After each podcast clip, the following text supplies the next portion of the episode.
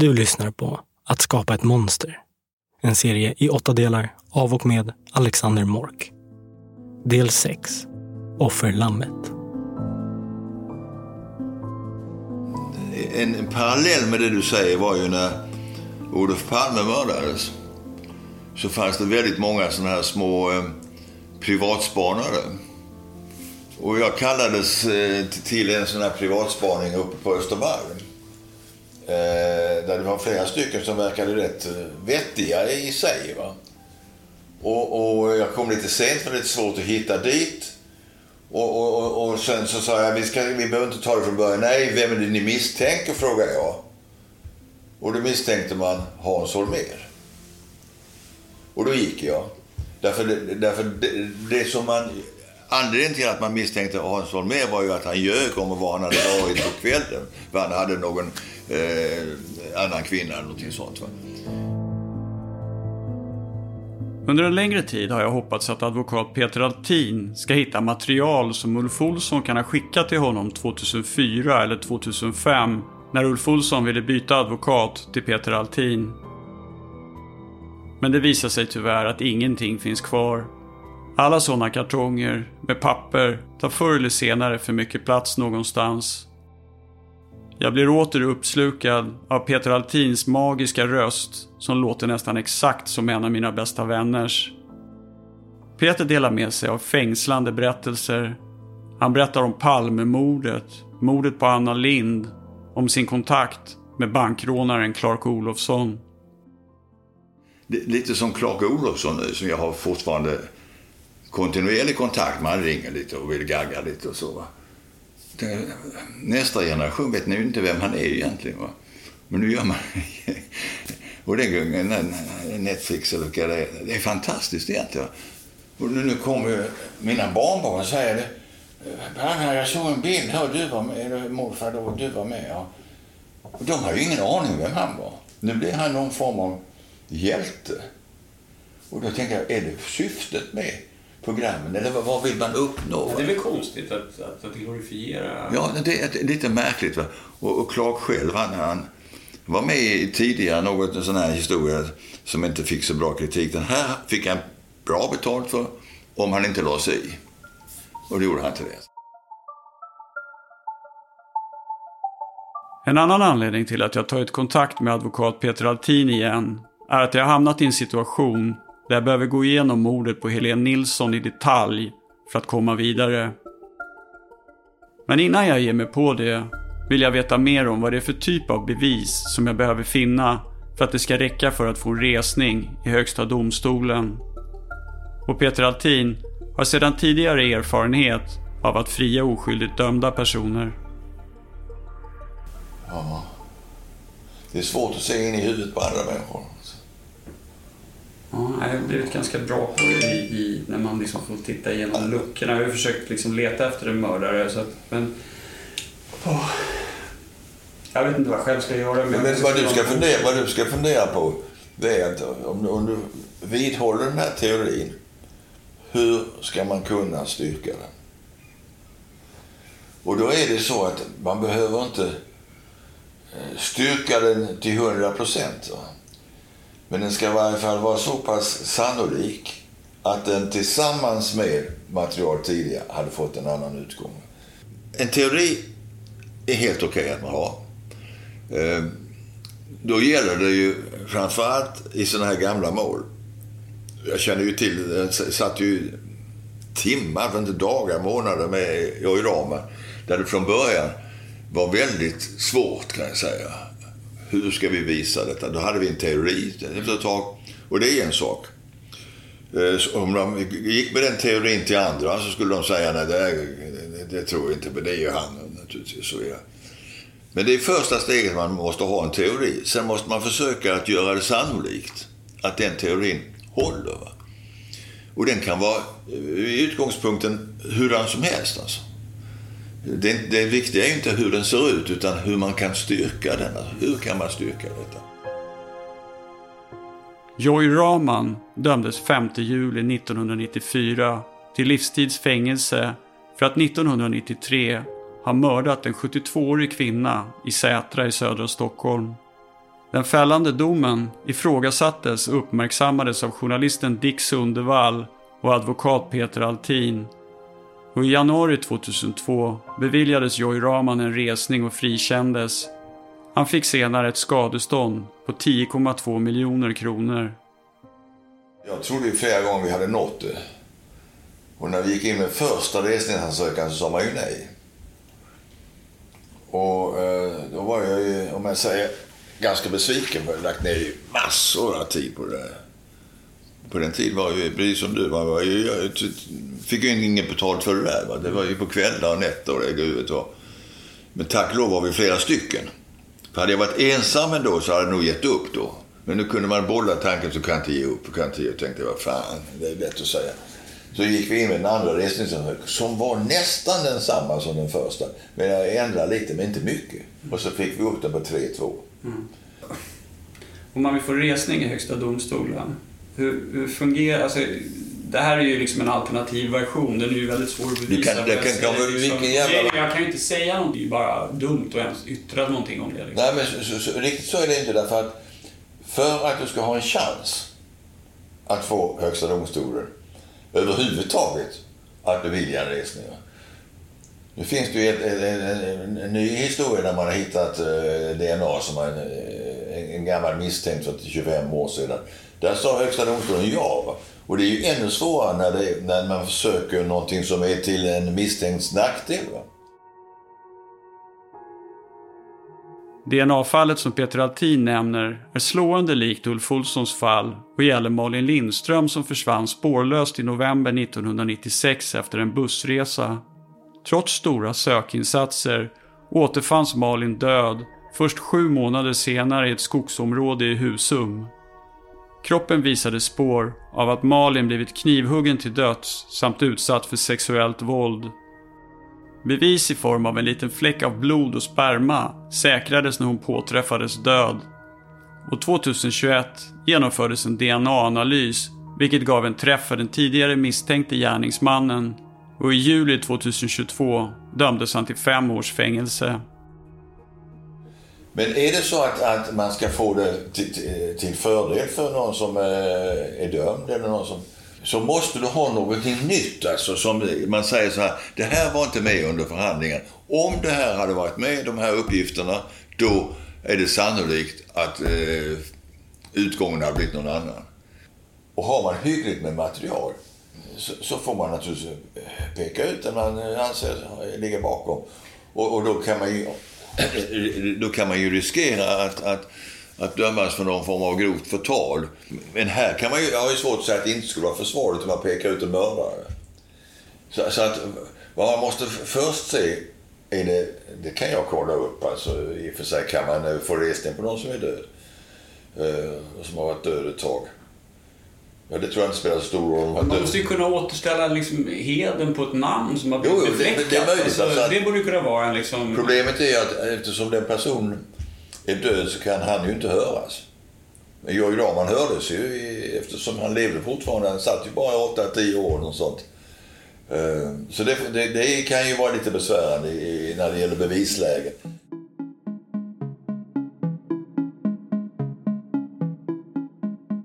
Efter mitt samtal med Peter Altin känner jag mig hoppfull. Min teori har utvecklats löpande under mina intervjuer och samtal och jag har redan funnit en hel del olika händelser och skeenden kring mordet på Jannica Ekblad som tingsrätt och hovrätt aldrig fick ta del av 2005. Jag börjar med att ringa Högsta domstolen för att ta reda på om en död person kan begära resning. Och inte heller Högsta domstolen kan svara mig på rak arm.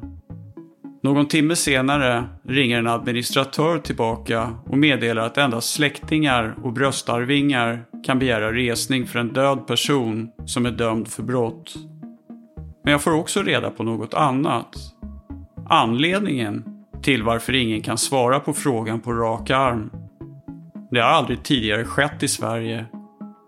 Vilket är viktig information eftersom att det innebär att Högsta domstolen kan komma att bli intresserad av att sätta ett prejudikat i ett sådant fall. Livstidsfängelse eller vård har varit huvudfrågan under förhandlingarna i hovrätten. För ingen har hävdat att Ulf Olsson skulle vara oskyldig. Fakta är ju att hans sperma finns i Helen. Och då får ju han förklara den faktan. Om han inte har våldtagit Helen, då måste han tala om hur hans sperma då kunde hamna där. Och den frågan fick han ju. Och jag vill minnas att han sa någonting att ja men då har väl någon tagit den då och så har hon onanerat till honom och så har de stoppat in den i Helen. Någonting sånt beskrev han det som jag minns. Motivet kan enligt tingsrättens mening inte gärna ha varit något annat än att gärningsmannen ansett sig tvungen att undanröja Helen för att kunna undgå ansvar för det sexuella övergreppet mot henne. Vår fantasi räcker inte till för andra hypoteser.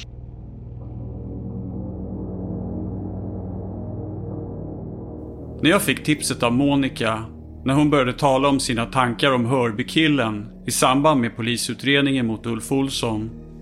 En utredning som jag trodde hade vattentäta bevis, så startade något. Jag hade aldrig tidigare tvivlat på Ulf Olssons skuld. Men nu gjorde jag det och det var inte helt lätt.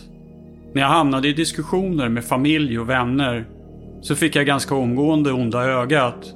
Ska du försvara någon som har mördat ett barn? DNA har återfunnits i samband med båda morden. Hur mycket mer bevis behöver du? Jag förstod tidigt att det här var ett mycket känsligt fall. Att mina argument sällan skulle accepteras lättvindigt, utan snarare uppfattas som provocerande. Det fanns redan en accepterad sanning som alla var nöjda med. Men som ni har hört upprepade gånger är jag fast övertygad om att Ulf Olsson aldrig mördade Jannica Ekblad. Och då är det osannolikt att han har mördat Helene Nilsson.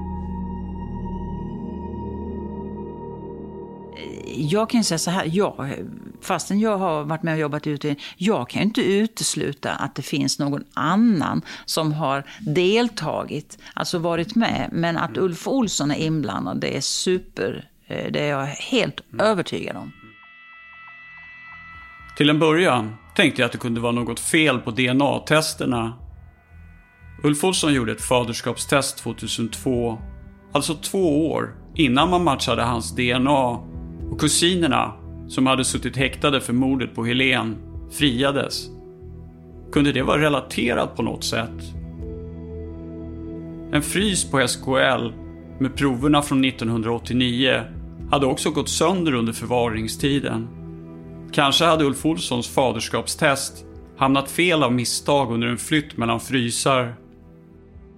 DNA-mässigt så är det också, det blir ju en sån här far, man ska skjuta, men Ulfs pappa låg ju runt i, i trakten med rätt många kvinnor, berättar Ulf om i sin bok. Liksom, att pappa och mamma, och mamma var elak mot dem för att försöka behålla pappan på något sätt. Och så vidare, så vidare. Så att, eh, det kan ju vara så att någon som bor i Hörby är släkt med Ulf utan att veta om det också. Men jag vet inte om det skulle kunna påverka ett DNA-test i något avseende. Det är väldigt långt liksom. Men, men det, det, är inte en omöjlighet att, att det finns fler människor som är släkt med Ulf som bor i Hörby som har som inte vet om det för att det har varit otrohetsaffär. Ulf Olsson försökte själv beräkna sannolikheten för att det kunde vara en avlägsen släktings DNA. Men alla de alternativen kändes desperata. Polisutredningen mot Ulf Olsson är en av Sveriges största genom tiderna. Men det avser utredningen om mordet på Helene Nilsson där det nästan är obeskrivligt hur mycket resurser och pengar man har lagt ner på att försöka lösa mordet. Den större delen av den utredningen ligger idag i slasken. Eller så är materialet sekretessbelagt för att skydda andra som har varit misstänkta genom åren. Själva utredningen mot Ulf Olsson är däremot ganska liten. Ungefär som vid ett vanligt mordfall Förundersökningen har fokuserat på att höra Ulf Olsson, hans familj, vänner, kollegor och myndigheter samt att de har undersökt en stuga som Ulf Olsson bodde i 1989. Under polisutredningen 2004 har man i mångt och mycket fokuserat på att finna bevis som ska förklara DNA-träffen på Ulf Olsson. För han förekommer inte alls i de tidigare polisutredningarna.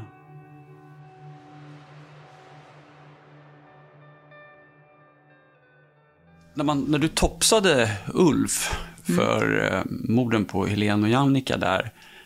Först och främst så var det bara mordet på Helen just då. som jag åkte dit för och skulle höra honom upplysningsvis. Det visste ju han. Jag kom dit för det. Jag höll förhöret med honom. Vi sitter på varsin sida mitt emot varandra vid skrivbordet, vanligt förhörsrum. Det var ett eh, inte så långt förhör där han berättade lite grann om sin situation. Han var lite så gråtmild under förhöret, tyckte synd om sig själv. Han hade ju en son som han inte fick träffa ensam. Eh, utan det var då bevakat besök. Dessutom så jobbade han ju i Vimmerby genom kommunen hade han fått någonting. Men han var faktiskt jätteduktig verktygsmakare, det säger hans kollegor också. Och han hade fått jobb på en annan ort i Sverige som verktygsmakare. Men han kunde inte flytta för han fick ingen bostad. Och eh, han tyckte det här var moment 22 va. Jag har ingen bostad så jag kan inte ta jobbet. Det var liksom det som var det jobbiga. Eh, sen var det han och hans hund, liksom. det var hans liv. Eh, när jag skulle topsa honom då, när förhöret var klart, då frågade jag honom eh, om han vill lämna sitt DNA eh, genom att eh, topsa honom i munnen då. Eh, och få saliv på den här topsen. Ja, det var ju inga problem, sa han. Men, sa han, jag har ju druckit ett par starköl, sa han. Men sa, det har absolut ingen betydelse. Och sen, ja, han sköljde sin mun och sen så han höll själv i topsen och körde runt den i munnen på, när jag förklarade hur han skulle göra. Han, han säger själv att han var lite nervös när han träffade dig för att han eh, sålde hembränt. Så att, eh, ja, mm. Dels ja, var han orolig för att åka dit för att eh, mm. Hålla på med det. Men det var ingenting som kom Det var fram inget intressant för mig just då. Jag förstår det. Men det kommer fram senare i förhören också. När han pratar om sitt hemkörda. Ja. Men han, han, han, jag bara tänker, man borde väl kanske vara lite nervös och lämna DNA då. Det var inget som verkade Nej, inte... det uppfattade inte jag. Och det här kan man ju fundera på olika mm, teorier. Varför eh, var han eh, så... Han uppträdde väldigt neutralt i det här, va? varken hemskt eller eh, inte. Antingen var det kanske för att han trodde att han inte hade avsatt något DNA. Eller så tänkte han att eh, det, han har liksom ingen utväg. Utan han måste lämna det något. Var, man, var alla ni inom utredningen överens om att han var skyldig? Eller var det någon som tyckte annorlunda? Mm, alltså, vi var en stor grupp, men vi, den blev mindre och mindre på slutet.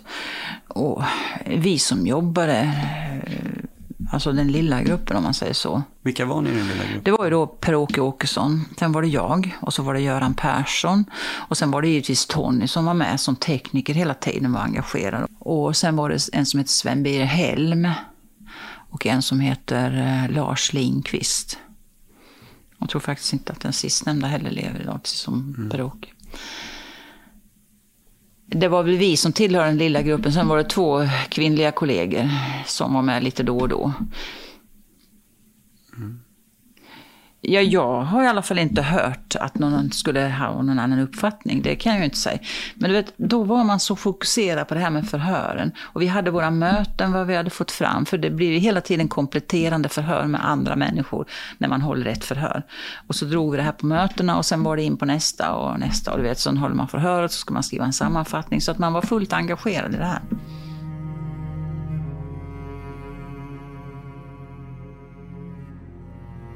Jag hittar samtidigt nästan inga tecken på att man har försökt undersöka möjligheten att Ulf Olsson skulle kunna vara oskyldig. Och det är ett stort misstag. Obeskrivligt stort. För tänk om någon annan person försöker sätta dit dig för ett brott som du inte har begått. Litar du då inte på att det svenska rättssystemet kommer att hjälpa dig? Om man då har Ulf Olssons enda försvar, han säger att han är oskyldig, hans enda försvar är att de har planterat sperman.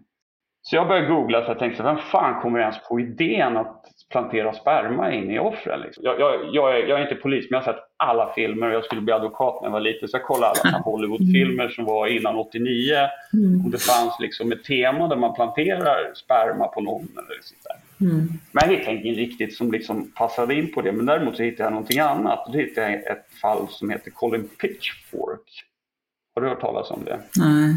Colin Pitchfork mördade två kvinnor 1983, en 1983, han våldtog och ströp dem och lämnade dem i skogen. Ungefär typ ganska identiskt med hur Jannica hittas, eh, fast i ett skogsparti. Colin Pitchfork är känd för att vara den första brottslingen som dömdes för mord baserat på DNA-bevis. Den 22 november 1983 hittades 15-åriga Linda Mann död på en ensam gångväg. Obduktionen avslöjade att hon hade blivit våldtagen och strypt och prover med sperma hämtades från hennes kropp. Precis som med Ulf Olssons fall så blev spåret kallt. Man hittade inte mördaren. Några år senare mördades en annan 15-årig flicka och inledningsvis trodde polisen att gärningsmannen var 17-åriga Richard Berkland som erkände brottet under förhör. Men året innan, 1985, hade en ny lovande fingeravtrycks-DNA-teknik utvecklats. Men DNA-analysen visade att den misstänkte Richard Berklands profil inte matchade på de två spermaproverna och han frigavs. Några år senare, i september 1987, så greps Colin Pitchfork. DNA-prov togs på honom och matchades med brottsplatsproverna och sanningen kom fram. Colin Pitchfork erkände våldtäkten och morden på de två flickorna. Historien om Colin Pitchfork är en parentes i sammanhanget. Men det gör ändå den bisarra idén att placera DNA på brottsplatsen för att komma undan själv lite mindre verklighetsfrämmande. Kanske har den jag söker läst om hur polisen hittade Colin Pitchfork med hjälp av DNA i tidningar eller via en utbildning. Den här historien har funnits i tidningar internationellt 1986, 1987, 1988. Att läsa för den som skulle vilja kopiera så att säga, fallet, mm. att använda det. Däremot så tror inte jag att den personen visste att 1989 så tog inte ni DNA-prover. Och anledningen till att jag tror att det är så Jag kan inte trolla bort det DNA från Ulf Olsson som finns på brottsplatsen. Och redan från början så valde jag att gå runt problemet med DNA-bevisen. Det var en för stor sten att flytta på. Eftersom att jag istället startade med att utreda mordet på Jannica Ekblad så gick jag igenom bevisen i polisutredningen i en helt annan ordning och med andra ögon. Och då, då stämmer ingenting. Och det är det jag har försökt visa er. För under arbetets gång så formades en annan teori. Något som gjorde allting ännu mer absurt. Ulf Olssons DNA skulle vara där på Helene Nilsson Ulf Olsson var utvald att bli syndabock. Ett offerlamm. Mm. Men då får man se på den här skickliga personen då. Varför skulle den redan från brottet, brotten begicks 89 fram till 2002 med jämna mellanrum ha fått eh, någon form av kontakt, tagit eller haft kontakt med Ulf för att plantera bevisning. Vad skulle motivet vara för att göra det hos den här skickliga personen? Ja, för att man aldrig ska leta efter honom. Alltså jag tror att de hoppa, den personen hoppades att man skulle få fånga Ulf 1989 eftersom han hade planterat spermier. Men eftersom inte ni gjorde DNA, det gjorde man ju i USA, men det gjorde man ju inte i Sverige, det kanske inte mördaren visste. Och sen så var han tvungen att börja liksom kontakta via samtal senare. Vem eller vilka kan hata någon så mycket att man skulle sätta dit dem för ett mord som de själva har begått? Det var så galet att jag tänkte att jag måste ha förstått något fel. Så för att få klarhet i vad någon kunde ha haft för motiv till att sätta dit Ulf Olsson så ska vi tillsammans resa tillbaks i tiden och se vad vi kan finna i den polisutredning som företogs 1989. En polisutredning som jag misstänker att de riktiga gärningsmännen inte alls vill att vi ska titta närmare på. Och vi börjar från allra första början och går igenom vad som hände den kvällen när Helene Nilsson försvann.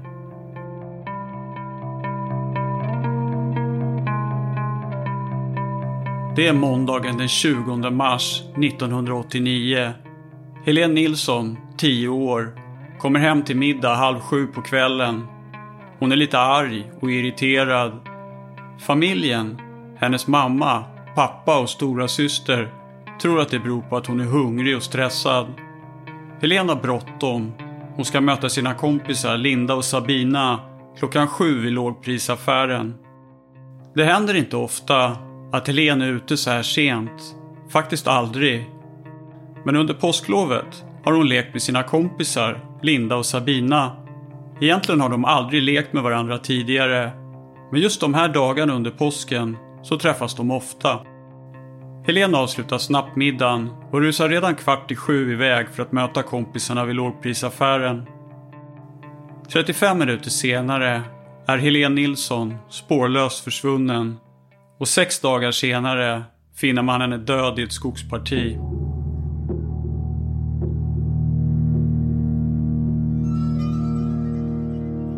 Hörby är en liten stad där nästan alla känner alla och plötsligt så sker händelser som aldrig tidigare inträffat i Sverige.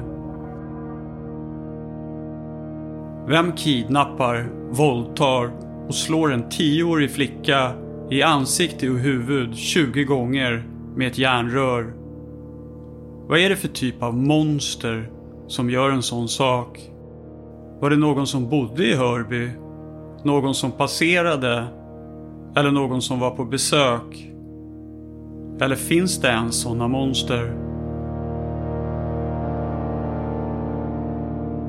Om den här människan är väldigt, väldigt smart, så för grejen är så här, när jag tittar på mordet på Helen, så jag tittar på Riskkriminalens grupp och deras analys av gärningspersonen så tycker de också att det här är en människa som det är inte någon som har sadistiskt hållit henne inne och våldtagit henne i flera dagar och sen mördat, mördat Helene utan det är snarare liksom någonting har hänt och så har, har man liksom inte vetat vad man ska göra och så har man varit tvungen att tysta Helen på något sätt. För det står i stort sett liksom att han, ja, mycket obeslutsamhet och, och sånt från gärningsmannaprofilen. Psykologen Barbro Roslund, som var den som analyserade brevet med utklippta bokstäver som skickades 1989 och även höll hypnosförhöret med Ulf Olsson 2004 gjorde en profilering av gärningsmannen. Och den gjordes innan mordet på Jannike Ekblad. Vid sammankomst med utredning hos spaningsstyrkan i Eslöv den 18 juli 1989 tecknade Barbro Roslund med utgångspunkt från sin mångåriga erfarenhet av mördare och sexualförbrytare samt sin kännedom om det aktuella ärendet följande bild av den gärningsman vi söker för Helenmordet. Personlighetsstörd person, alternativt psykiskt sjuk, sinnessjuk, har en känslokall läggning, är tvångsmässig, pedantisk, är befallande och eller insmickrande, är påstridig, envis, är mycket egoistisk, är sexuellt avvikande, är ensam, är sexuellt otillfredsställd, utsvulten eller har stora behov. Har förmåga att isolera känslorna från sitt beteende, har troligen begått sexbrott tidigare, upptäckt eller ej. Han hade från början troligen inte för avsikt att döda offret. Han gjorde detta och sopade bort spåren för att dölja sin identitet. Dödandet har troligen skett som i en dimma. När han har börjat slå har han ej kunnat sluta utan slagit fler slag än han egentligen behövde. Han upplevde troligen dödandet som jag-främmande han upplevde kanske att det var en annan person när han dödade.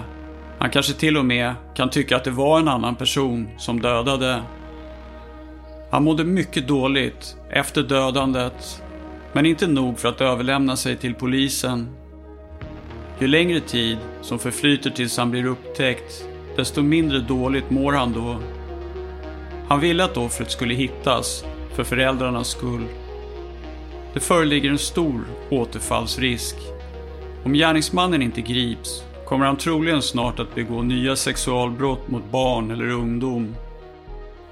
Barbro Roslund betonar att gärningsmannen kan sakna någon eller några av de ovan uppräknade egenskaperna.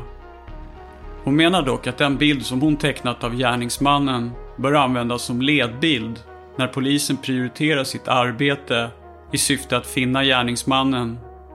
Han bör i första hand sökas i närområdet kring Helen.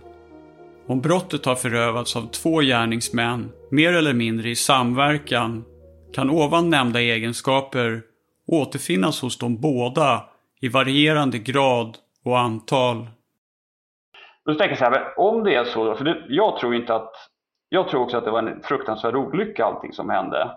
Och det var bara det att man var tvungen att se till att aldrig, aldrig få någon få reda på det här överhuvudtaget. Det kan bara inte. När jag då gick tillbaka så tänkte jag så här, jag måste hitta en koppling mellan Helen och Jannica liksom på morden. Så jag började med Helens mord. Och eh, jag hittade jätteintressanta grejer eh, som jag inte vet hur ni utredde dem. Men jag ser att du har ju förhört många av de människorna. Mm. Men det jag reagerade på var det som hände både dagen innan Helen försvann och samma dag som Helen försvann. Och det var att det var en födelsedagsfest hemma hos Sabine. Söndagen den 19 mars 1989, dagen innan Helene Nilsson försvinner, så leker hon med sina kompisar Linda och Sabina under hela dagen. Linda och Sabina har lekt en del tillsammans, men inte med Helen. Och Helen känner Linda lite och Sabina nästan inte alls. Just den här dagen så ses de runt klockan 12 och de är hemma hos Sabina och leker en lek där de klär ut sig till fotomodeller. De sminkar sig och stoppar tennisbollar så att det ska se ut som att de har bröst. Men barnen är inte ensamma i huset. För det här är inte vilken dag som helst. Både Sabina och hennes mamma fyller år snart och man har just idag en gemensam födelsedagsfest. Och det är många gäster som är på besök över dagen. Sabinas morfar och hennes två morbröder och deras respektive är där för att fira. Sabina har också två mostrar. De kommer i sällskap med respektive. En av Sabinas moster har med sig sin partner som bor i en vinterbonad sommarstuga vid Ekerödsrasten. Nära den plats där den döda Helen ska återfinnas. Och det nämns att de ska separera. Barnen leker på källarplanet medan festen pågår på bottenplanet. Med på detta kalas var Linda och Helen. Linda, Helen och Sabine lekte på Sabinas rum utan någon av de vuxnas inblandning. Mm. Och inget konstigt så. Grejen är bara, du, vad gör tjejerna när de leker? Var det inte då de höll på att sminka sig? Eller var det ett annat tillfälle? Nej. Var det då? Okej. De Ja. sminkar sig, de stoppar tennisbollar Mm. Under tiden, de, Mm. de klär ut sig, de fotar varandra och de gör det på källarplanet i villan. Det finns ett fönster som my- mynnar ut mot Mm. gården som man kan se in genom.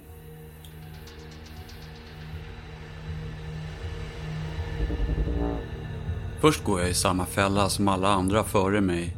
Jag söker överallt efter en sexgalning, ett monster, en sinnessjuk människa. Precis som i Barbro Roslunds gärningsmannaprofil. Alla blir misstänkta vart man än tittar. Varför gjorde de så? Varför sa den det? Tycker- Jag tycker bara det är väldigt, väldigt konstigt att när, när tjejerna leker att de spelar vuxna och så vidare. Om du har någon, någon, någon riktig pedofilmördare i närheten så kanske det bara slår till när man ser genom ett fönster vad som pågår. Och, Fast eh, det är inte så konstigt att tjejer i den åldern leker så. Det är nej, inte... nej. nej, nej, jag tänker mer att det är vissa som människor som inte bör se det bara. Ja, jo det håller jag med om. Men ja, alltså jag kan ju inte... Det har blivit mycket uppmärksammat om det var något unikt med Hörby eller om alla samhällen har liknande brottslingar i sin omedelbara närhet vid en ögonblicksbild. Många föräldrar skulle nog tänka sig för ett par gånger extra innan man släppte ut sina barn ensamma i så fall. För den här kvällen fullkomligt kryllade det av misstänkta gärningsmän som sedan tidigare förgripit sig på barn eller kvinnor. Fler än tio stycken av dem var i närheten den här kvällen när Helen försvann. Men till en början fastnar jag istället för ett par detaljer i Helens kompis Sabinas föräldrars vittnesmål. De, de säljer ju huset samma dag som Helen försvinner också. Det kommer ju två liksom spekulanter dit 17.30 mm. eh, för att titta på huset tillsammans med mäklare. Så mellan 17.30 mm. och 18.30 så, så är både mamman och pappan upp, eller så, så är mamman tror jag, och pappan de är upptagna med det. Mäklaren och paret ska ha lämnat huset klockan 19 någon gång. Cirka 20-30 minuter innan Helen försvinner i stort sett utanför deras hus. Sabinas mamma och pappa anger olika beskrivningar och tider för flera olika händelser och hur jag än ser på det så uppträder de märkligt. Som att de vill dölja något. Föräldrarna när de blir förhörda, till en början så verkar det inte vara någonting som är så här underligt. Men mamman säger att en pojke i grannskapet är kapabel att mörda och våldta tror hon för att hon har en pojke antastat dem. Övergreppet som har gjorts av någon i närområdet, det är den killen som vi satt som satt häktad ett tag, tror jag, för han bodde i närområdet och han har gjort övergrepp. Kan det vara honom de menar? Det borde de ju känt till ju. Mm. Så jag tror, jag tror att det kan vara så. Mm. Att det är honom de syftar på där. Det visar sig att en av detaljerna jag har reagerat på i vittnesförhöret med Sabinas mamma är samma sak som fick kriminalkommissarie Per-Åke Åkesson att starta upp utredningen igen 2002. De två kusinerna som häktades och sedan frikändes efter DNA-test.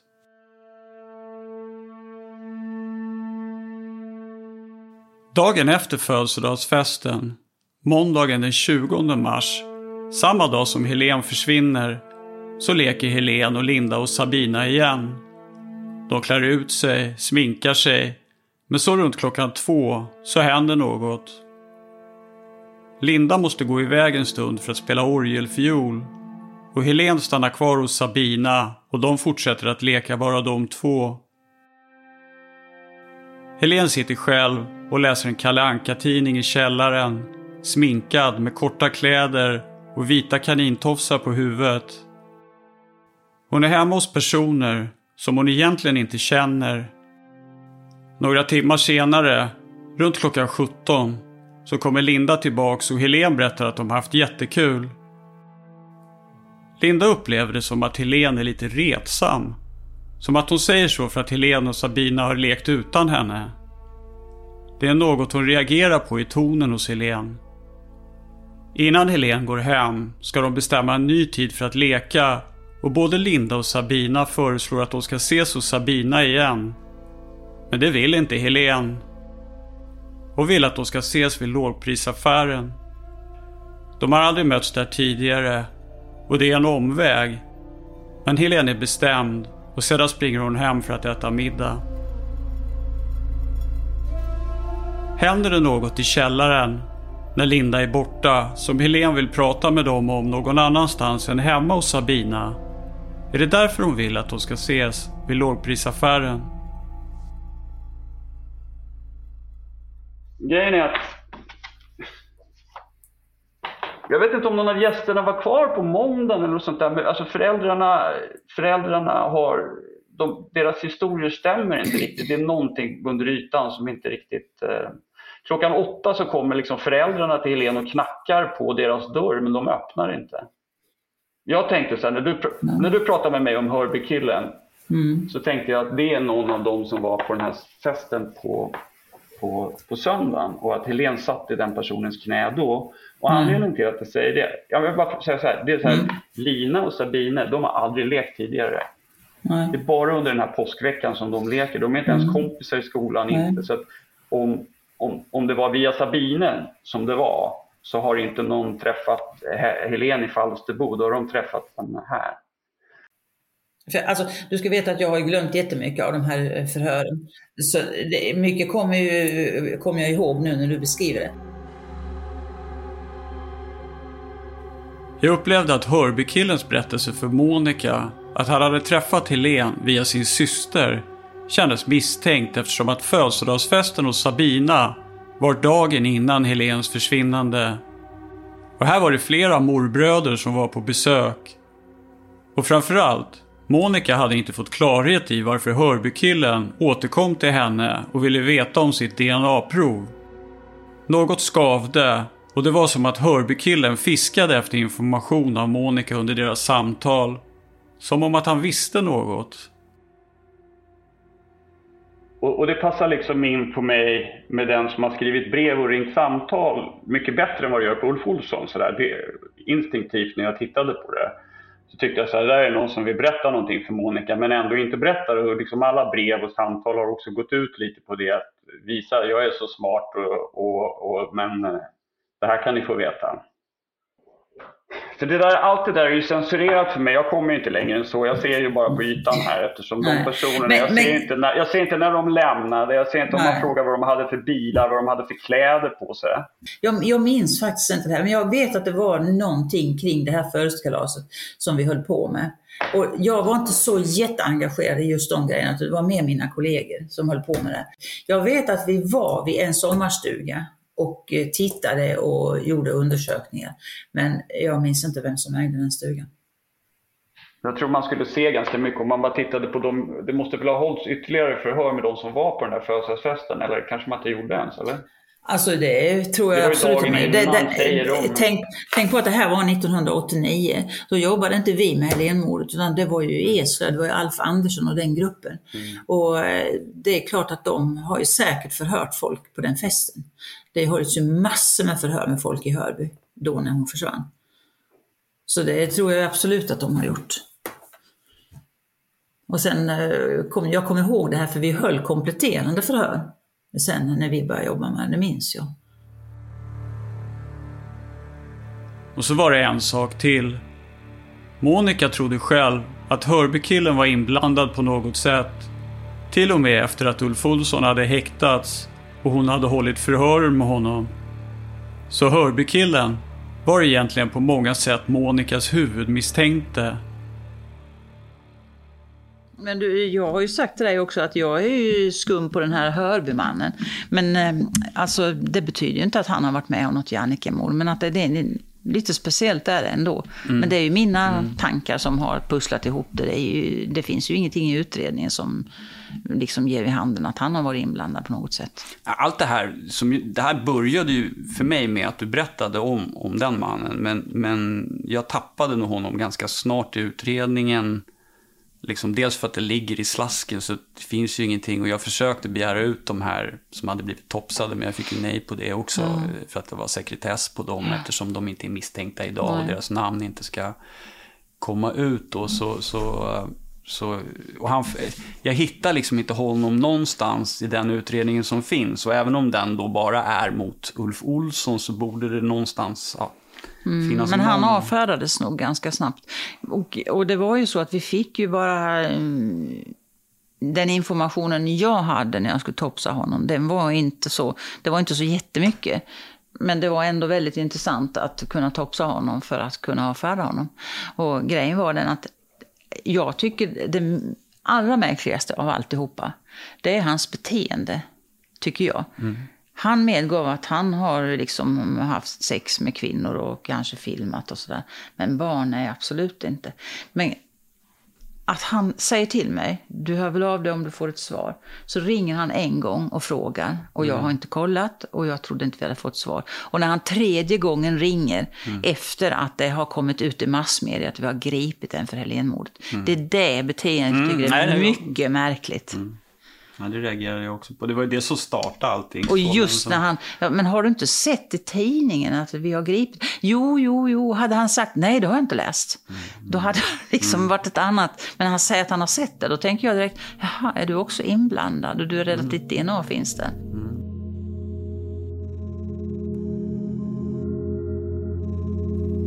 Men allt runt omkring Hörbykillen är sekretessbelagt och det är inget som jag har någon möjlighet att utreda vidare. Min bästa gissning är att han kanske vet något om varför Ulf Olsson blev utvald som offerlamm. Att Hörbykillen kanske har varit på den sexfest som Ulf Olsson minns under hypnosförhöret. Där Ulf Olsson misstänkte att hans DNA blev stulen. Hörbykillen hade en garderob med en lucka i golvet där det fanns mängder av inspelade porrfilmer. Så det finns en långsökt koppling till sexfester eller ett hemligt sällskap som möttes på bondgårdar i Skåne under slutet av 80-talet. Hur ska man komma in på detta sällskap? Vi vet ju inte ens. Det är ju så här att den här Henrik i Malmö, han, eh, det var han som ordnade till det här med Ulf skulle åka och ha sex med olika män. Och, ja.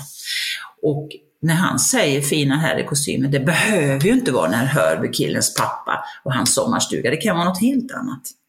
Jag har ju läst Rikskriminalens analys. Om DNA så står det ju så att det finns så lite mängder spermier så att det resultat man får kan inte användas för att utesluta en person. Nej, nej, nej, nej, nej, nej. Det, det var ju mycket kringbevisning. Jag kommer inte ihåg allt. De spermier från Ulf Olsson som återfanns var totalt 100 stycken. Precis tillräckligt för att genomföra ett DNA-test. Alltså 89 och 2002, det var ju olika tekniker.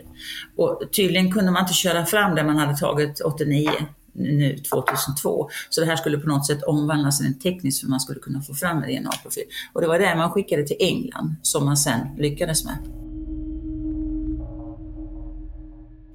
En normal utlösning producerar hundratals miljoner spermier och Ulf Olsson hade inte genomgått någon vasektomi som skulle kunna förklara det låga antalet spermier.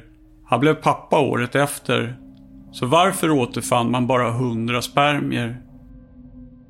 Om någon däremot tagit en tops i en använd kondom på en fest som Ulf Olsson själv uppger och sedan placerat det i Helen, till exempel med en massagestav, så skulle hundra stycken spermier vara mer rimligt. Och skadorna på Helen skulle påminna om en våldtäkt. För det finns inga tecken på att Helen har tvättats.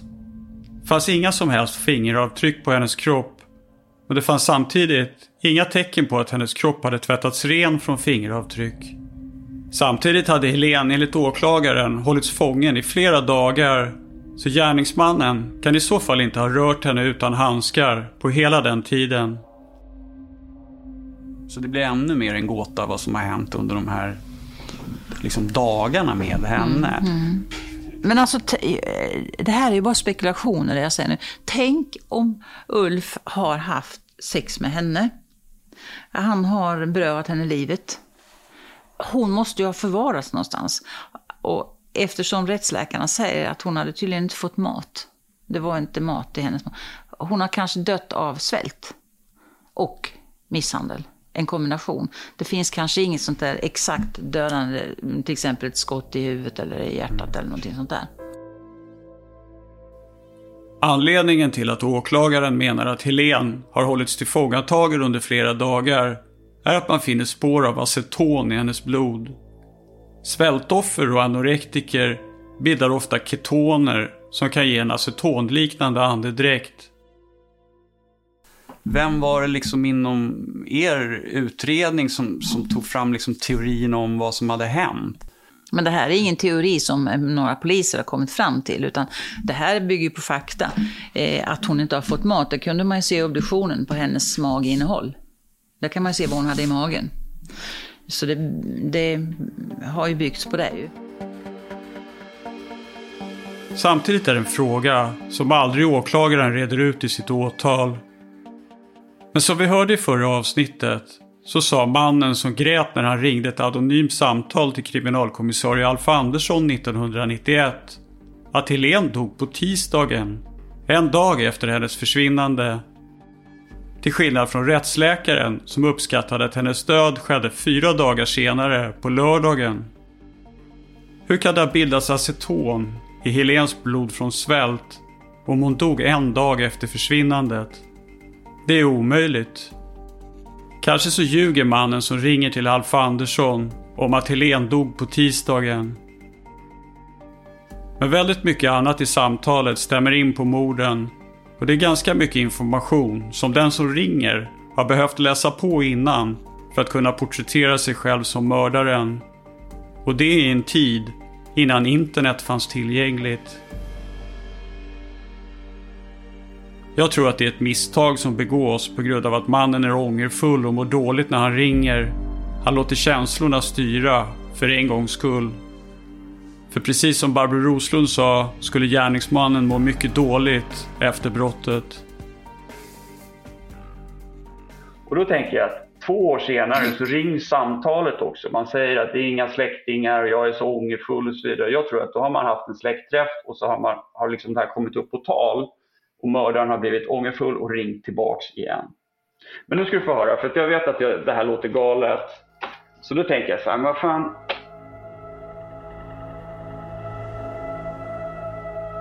Den kvinna som återfinner plastsäckarna med Helens kropp när hon plockar vitsippor uppger ett par intressanta detaljer i sitt vittnesmål.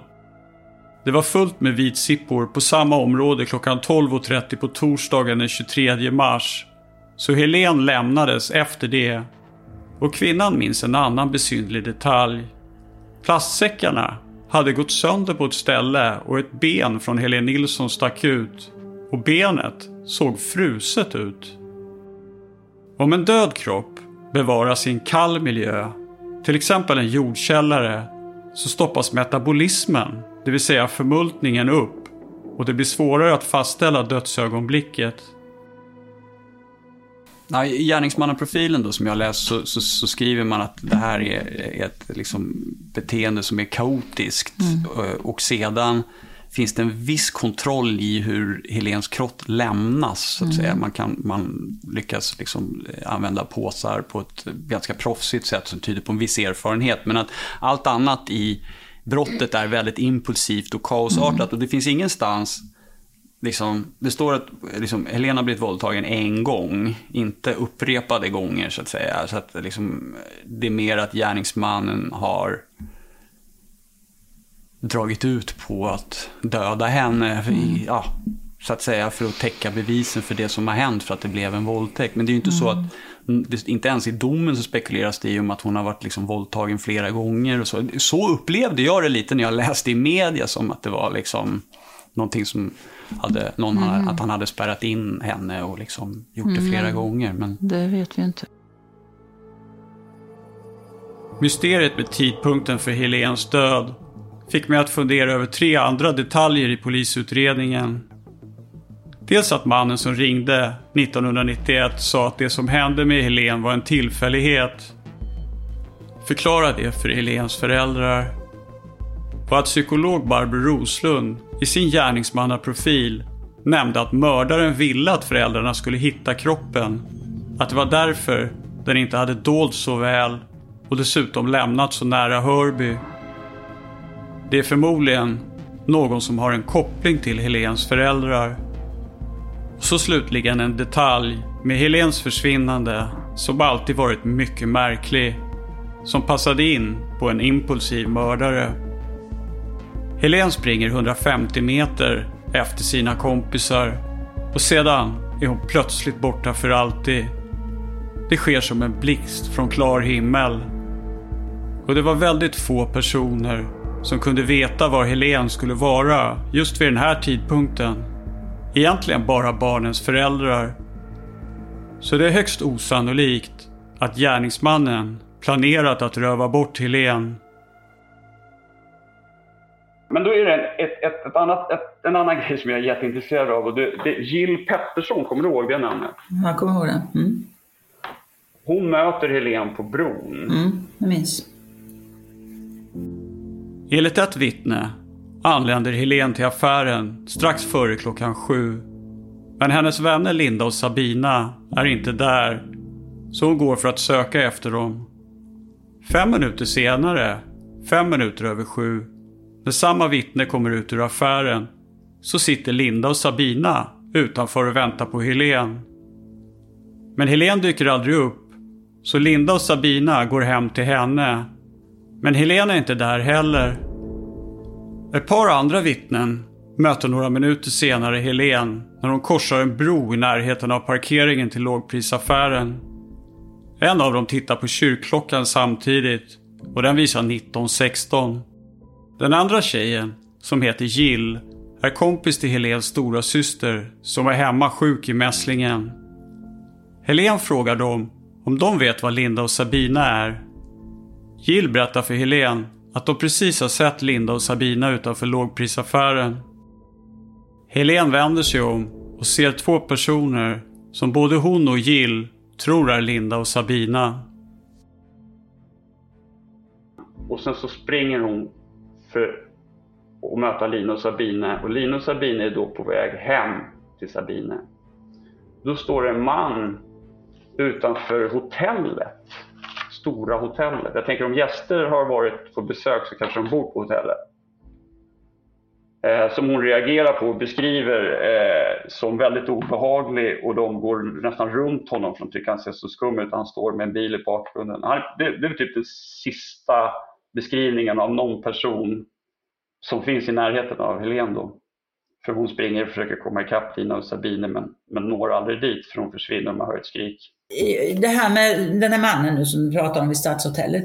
Jag minns ju då också att det fanns en annan eh, iakttagelse där eh, någon ser en, som en vitt, den, här, den här vittnesuppgiften berättar då, att den här ser att en man tar in sin dotter i bilen som är arg och förbannad för dottern sprattlar och skriker lite. Och tolkar det som det var en pappa och en dotter. Och detta har väl också ägt rum precis i närheten av Stadshotellet. Och det, jag vet inte om jag sa till dig innan att det här kan ju vara eh, försvinnandet av Helen. Så att det, jag vet inte om det är den här mannen som man har sett som sen har tagit in eh, den här flickan i bilen. Det vet jag inte. I Helens kompis Lindas vittnesmål, som togs den 3 maj 1989, en dryg månad efter Helens död, beskriver Linda hur hon och Sabina söker efter Helen när hon inte har dykt upp vid lågprisaffären. Och mellan raderna tycker jag mig ana en del saker som barnen inte vill att deras föräldrar ska veta. Små obetydliga saker som om barnen har genat genom en häck, över en tomt eller sprungit över trafikerade vägar under sitt sökande efter Helen. Jag ska läsa upp ett parti ur förhöret. När man gick hem efter det tredje besöket, utan att ha sett någon som träffat Helen, så menar Linda att man gick den vägen som hon har beskrivit. När man nu var på väg hem, för tredje gången, så hade man ju för sig bråttom. Linda menar att det inte var så att man sprang hela tiden, utan det var bara några meter i taget och hela tiden höll man sig på vägen. Man sprang inte och jagade varandra bakom någon häck eller byggnad, utan man fanns på eller i närheten av vägen och gångbanorna. Hon menar alltså att de skulle vara fullt synliga hela vägen på den trafikerade Ystadsvägen. Om de vände sig om och tittade bakåt har hon inget minne av det fanns trafik på gatorna när de promenerade hemåt, men inget ovanligt, inga vuxna personer som hon lade märke till. Förrän man då kommer in på Tvärgatan, strax efter korsningen vid Ystadsvägen, i närheten av Sabinas hus. Där drar hon sig till minnes att det står en bil som det var fel på. Utöver bilen så fanns det en pojke som var 20-24 år i närheten. Linda ger en beskrivning på pojken han är av normal längd och kroppsbyggnad. Hon kan inte uttala sig om ansiktet och hår.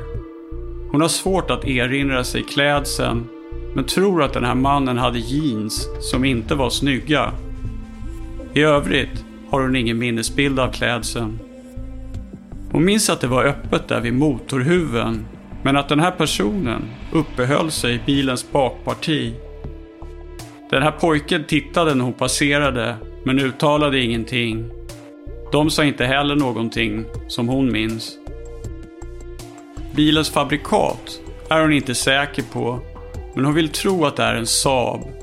Hon menar då efter att ha tittat på olika Saabar att det är modellen, en vanlig modell av Saab 99. Men tillägger att den var äldre till utseendet. Bilen var inte blank, säger hon. Hon kan inte direkt uttala sig om färgen men den var liksom svagare röd. Fråga om motorhuv och dess placering.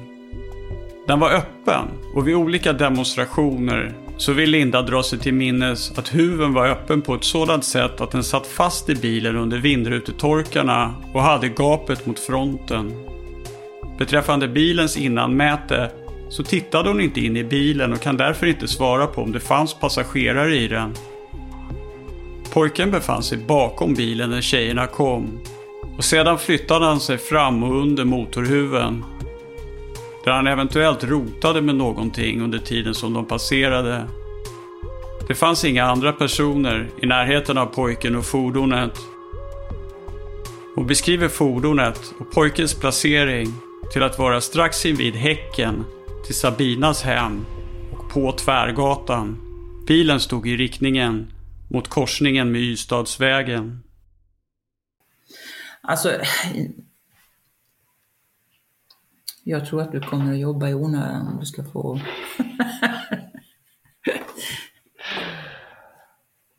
ah, grejen är att Det- jag liksom... Jag, ja.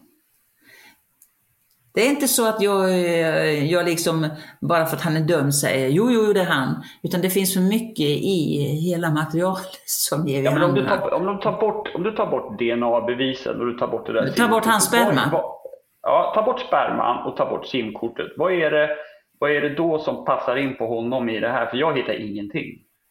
Då blir det ju svårt ju, för det är ju två eh, viktiga ingredienser. Det, det som är det är ju givetvis beskrivningen Jag menar ju att någon har planterat dem, så att säga. Ja, jag fattar. Men om de inte är, eh, alltså, om det, om det inte är korrekta uppgifter de säger vi. Sperman har någon annan mm, pressat i Helen och eh, simkortet har någon annan lagt i hans ficka. Och om det är så, om det skulle visa sig att det var så, då tycker jag du ska köra vidare på det du håller på med, men inte annars. och eh, Ja, men de hör ihop. Liksom. Alltså, det blir så. Om han är oskyldig så är det så. Och om jag då känner att han är Ja, oskyldig om han är det oskyldig. på det sättet. Så det blir liksom en konsekvens den- av det. Sen hur, det det vet inte jag varför. Nej, hur och man, det- man kan lösa det. Men det... Därför blir det liksom att köra huvudet i väggen. Vi kom, man kommer inte vidare med det. Men jag, jag tror, alltså då skulle du plocka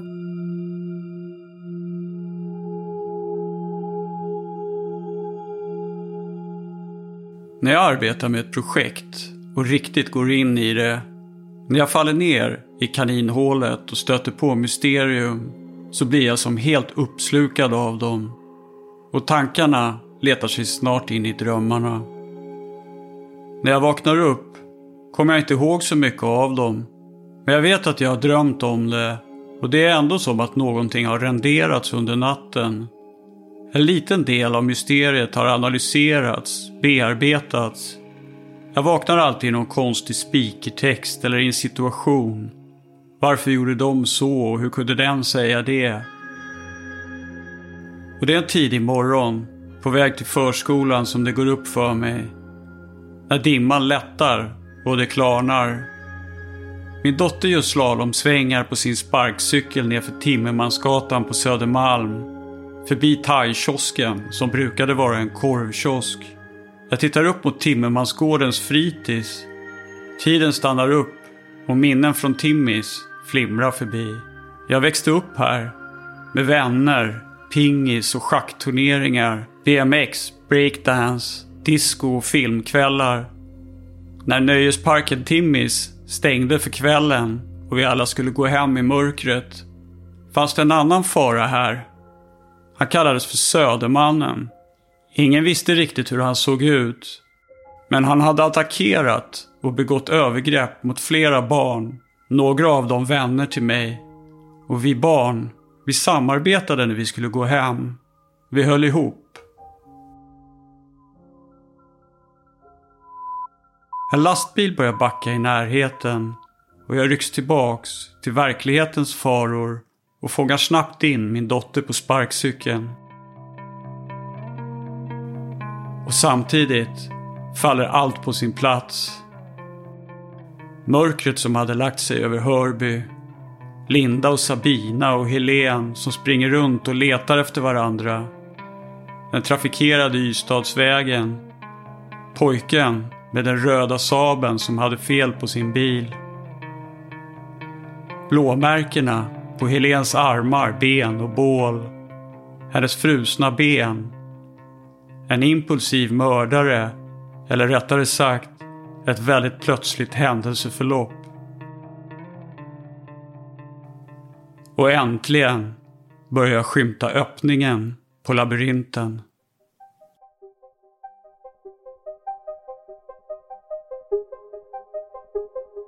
Klockan är 19.16 den 20 mars 1989. Solen har gått ner för knappt en timme sedan. Helene Nilsson möter sin stora systers kompis Jill och hon pekar på Helens kompisar Sabina och Linda nere på parkeringen. De är bara 150 meter bort. Härifrån kommer Helene att vända sig om och börja springa mot dem. Sabina och Linda rör sig från parkeringen på väg hem till Sabinas hus. De har varit vid lågprisaffären och handlat. De har gått samma vända en gång tidigare utan att hitta Helen. Under sitt sökande har de blivit skrämda av ett killgäng som jagat Sabina och Linda en kort bit. Kanske skyndar de sig därför hem. Men precis bakom dem är det någon som ropar. Någon som springer efter. Det är Helen som har fått syn på dem vid parkeringen. Men hennes kompisar verkar inte höra henne.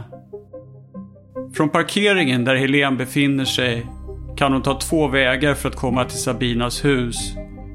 Den ena är över en liten stenbro som flera vittnen inte tror att Helen skulle våga gå över själv. Den är lite för läskig i mörkret. Den andra vägen hon kan ta är över den trafikerade Ystadsvägen. Helena ökar farten och ropar på Sabina och Linda.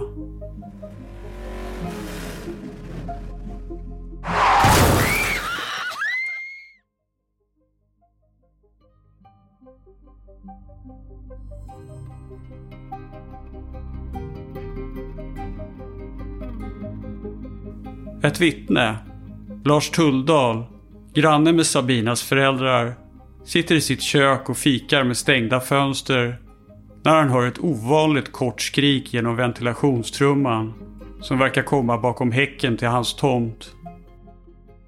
Klockan är då cirka 19.20, 19.30.